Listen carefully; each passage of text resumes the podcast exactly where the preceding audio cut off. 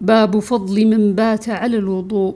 عن البراء بن عازب قال قال لي النبي صلى الله عليه وسلم إذا أتيت مضجعك فتوضأ وضوءك للصلاة ثم اضطجع على شقك الأيمن ثم قل اللهم أسلمت وجهي إليك وفوضت أمري إليك وألجأت ظهري إليك رغبة ورهبة إليك لا ملجأ ولا منجأ منك إلا إليك.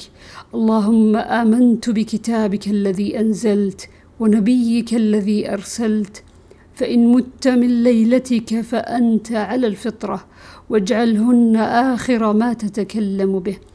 قال فردد فرددتها على النبي صلى الله عليه وسلم. فلما بلغت اللهم آمنت بكتابك الذي أنزلت قلت ورسولك قال لا ونبيك الذي أرسلت.